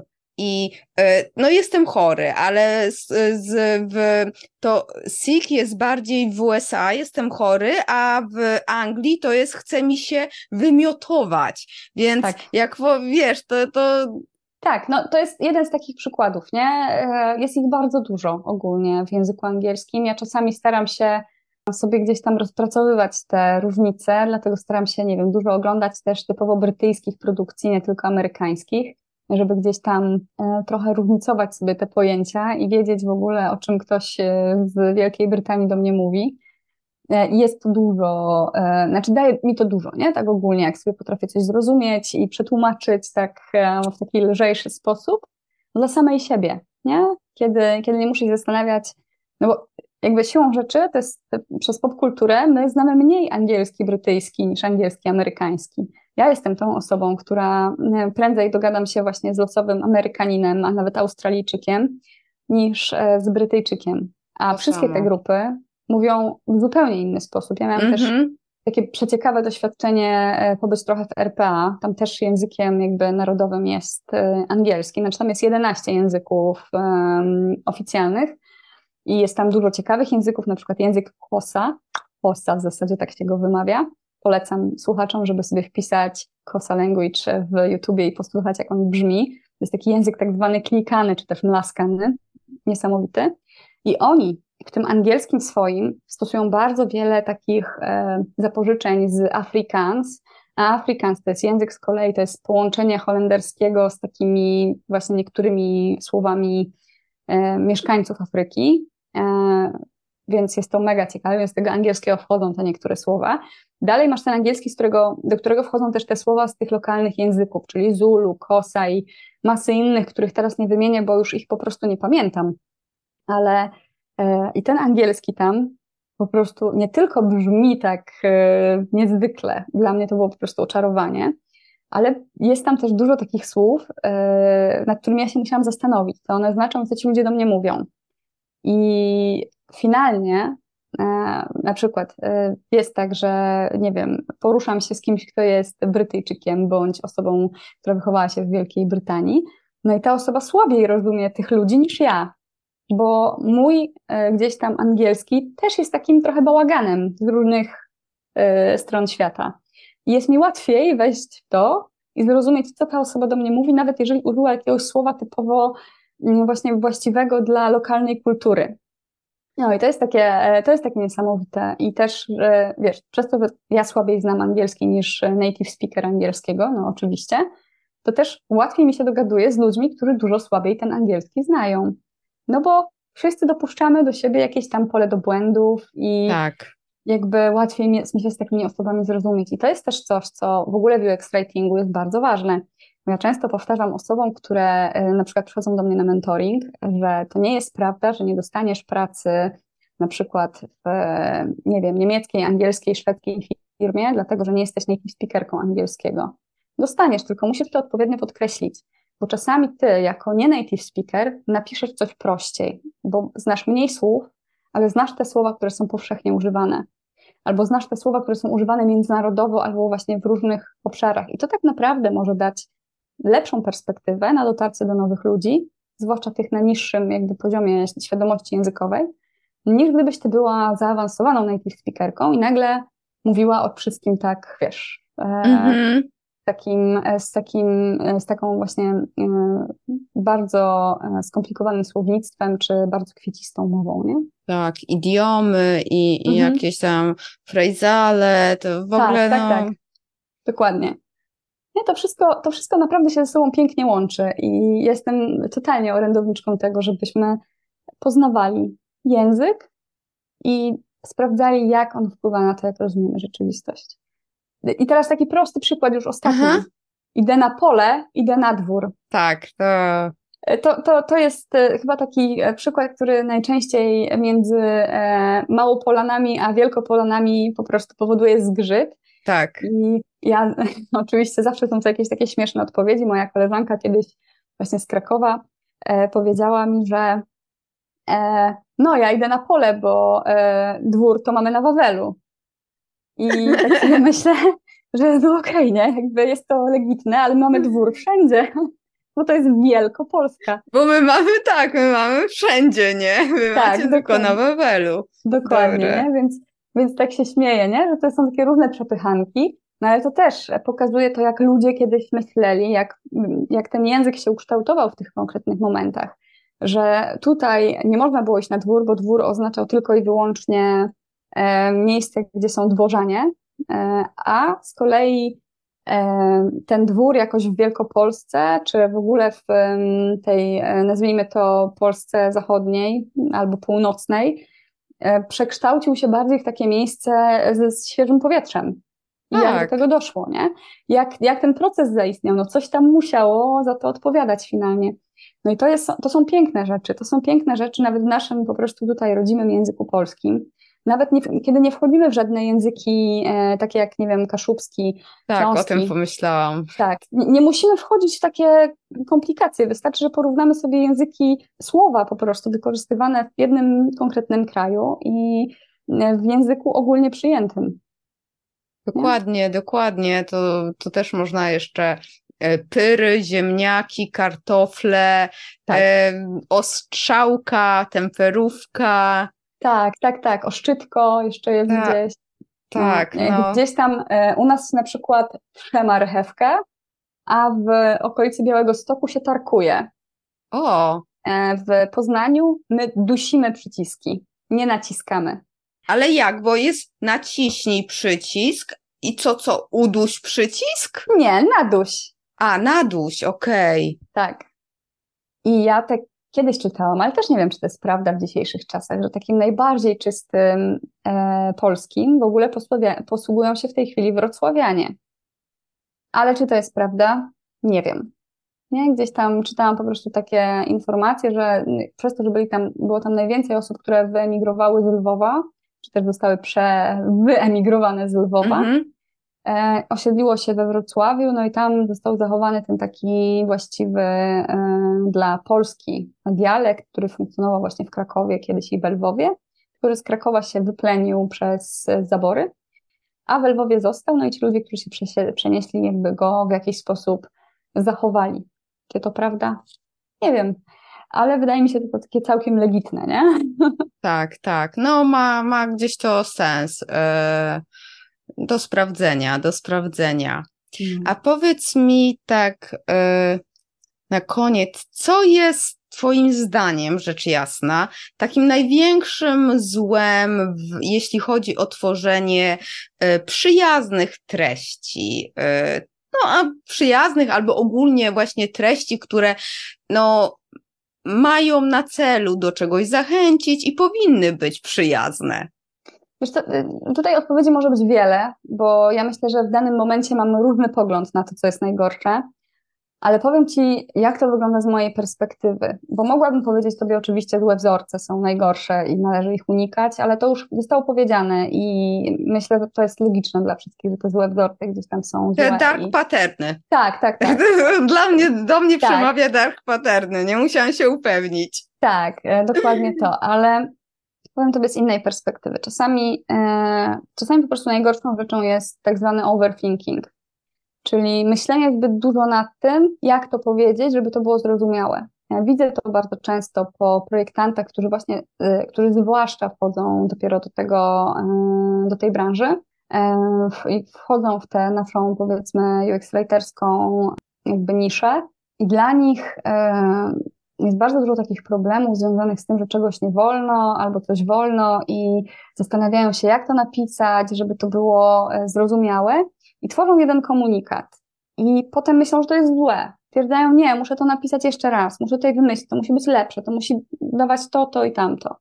E, czy to jest moja perspektywa? E, największym złem po prostu w tworzeniu materiałów, w tworzeniu treści jest to, że my ich nie badamy, bo może się okazać, że jednak ta apka jest lepsza od aplikacji finalnie. Nie? I dla mnie to jest takim największym gdzieś błędem ogólnie e, przy projektowaniu treści, że ludzie starają się od razu stworzyć perfekcyjny komunikat, a powinni skupić się na tym, żeby napisać go tak, żeby twoja babcia to zrozumiała. Wracam tak. do tej myśli, ale tak samo jak my kiedyś rozmawiałyśmy o tym nie na początku. Ta, o tym samym chciałam napisać, że czy, czy, czy można nie na początku używać. I, i powiem tak, można używać nie na początku. E, oczywiście nie zawsze, bo bardzo często właśnie odbierane jest to nie jako takie negatywne czy zaprzeczające. Ale jeżeli my chcemy powiedzieć użytkownikowi, że on nie może czegoś zrobić i żeby sobie nie myślał, że jest jakieś ale od tego, to nie udawajmy, że wszystko jest ok, tylko powiedzmy mu, słuchaj, nie działa, nie zrobisz tego, nie można. Nie, nie mówię tymi słowami, tak, ale tak, zaczęcie tak. zdania od nie nie jest krytycznym błędem, jest po prostu bardzo precyzyjnym komunikatem. I czasami musimy się zastanowić nad tym, na czym nam bardziej zależy. Czy na tym, żeby przekazać komunikat e, w zrozumiały, prosty sposób, żeby nie wywoływać e, gdzieś tam wątpliwości, czy my chcemy mm, zostawić wrażenie temu użytkownikowi, że nie wiem, mógł się bardziej postarać. to wtedy może byłoby tak. Nie, no bo gdzieś finalnie w tym wszystkim chodzi o to, żeby użytkownik po przeczytaniu wiedział, co ma zrobić. A jeśli my gdzieś zmiękczamy ten komunikat, to nie zawsze robimy to dobrze. I czasami ja stoję na stanowisku takim, że lepiej napisać nie, niż zmiękczać ten komunikat i uczynić go jakimś takim rozmemłanym o niczym i w ogóle rozpisywać się na 10 stron, jak to nam przykro bo, bo to czasami po prostu zaburza perspektywę. Staram się tego nie unikać, bo to nie jest tak, że, że, że rekomenduję używanie nie, mhm, ale no. można i uważam, że są sytuacje, w których to nie jest pomocne i, i zalecam stosowanie wtedy, nie? Tak, bo jak ma coś e, być wszczymywane, bo nie da się wymyślić dobrego komunikatu, to faktycznie to jest bez sensu, nie? I Dokładnie. E, I pewnie teraz to na, próbowałam wymyśleć jakiś przykład, ale wszystkie przykłady, które mi przychodziły do głowy, to w ogóle lepiej nie, nie, nie publicznie nie wypowiadać, więc. No tak, nie, ale wiesz, tak. e, gdzieś tam jakiś czas temu projektowałam jakiś komunikat, który dotyczył tego, czy użytkownikowi udało się gdzieś tam zarejestrować swój, nie wiem, jakiś, e, jakieś konto, jakiś NIP, coś tam. Nie pamiętam o co do końca mhm. chodziło i też nie chcę za dużo mówić ale dlaczego ja mam tej osobie mówić, że tym razem się nie udało? Nie? Albo, nie wiem, spróbuj jeszcze raz, skoro wiem, że to nieważne ile razy on spróbuje, to i tak się nie uda. I jestem przekonana, że można wymyślić szereg sposobów na to, jak sobie z tym poradzić. Tylko zastanawiam się właśnie zawsze, czy jest sens trafić prąd na to, co można powiedzieć w prosty sposób. Tak, I, tak. Nie? I jestem, stoję bardzo mocno często na tym stanowisku, że naprawdę ludzie, mówmy wprost, jak rzeczy stoją. I oczywiście nie tak, żeby tracić użytkowników, ale róbmy to w taki sposób, żeby zaskarbić sobie ich sympatię i żeby czuli, że rozumieją, o czym my do nich w ogóle rozmawiamy. Dokładnie, dokładnie. Super, dziękuję Ci ślicznie. Naprawdę bardzo ciekawa rozmowa i mega dużo informacji. W ogóle to jest 113 odcinek, więc szczęśliwa liczba. Wow! Ja lubię nieparzyste liczby, więc w ogóle idealnie. Super, bardzo fajnie. Ja na pewno podlinkuję też do Ciebie w, sieci i do, do materiałów, o których wspominałaś. E, będę się też przypominała właśnie o linki e, do tego, czego sama nie znajdę. Teraz weekend przed nami, więc życzę wypoczynku przede wszystkim. Dziękuję i oczywiście Tobie również życzę cudownego weekendu, wypoczynku, no i żeby fajnie spędziła, żebyś fajnie spędziła ten czas. Dzięki. Do usłyszenia. Pa. Trzymaj się cieplutko. Pa. Trochę się rozgadałyśmy, ale tak to zwykle bywa, jak spotkają się dwie gaduły. i rozmawiają o swojej pasji. Dlatego ja tutaj już nie będę przedłużać i dodawać jakichś swoich przemyśleń, bo się nagadałam. Notatki znajdziesz, notatki, linki, namiary na Hanie znajdziesz na achmieleska.com łamane na 113. E, jeśli z tej rozmowy weźmiesz coś dla siebie, to proszę podziel się linkiem do tego odcinka z innymi, którym też może pomóc. Będzie nam ogromnie miło. A teraz niech uśmiech i konwersja będą z Tobą.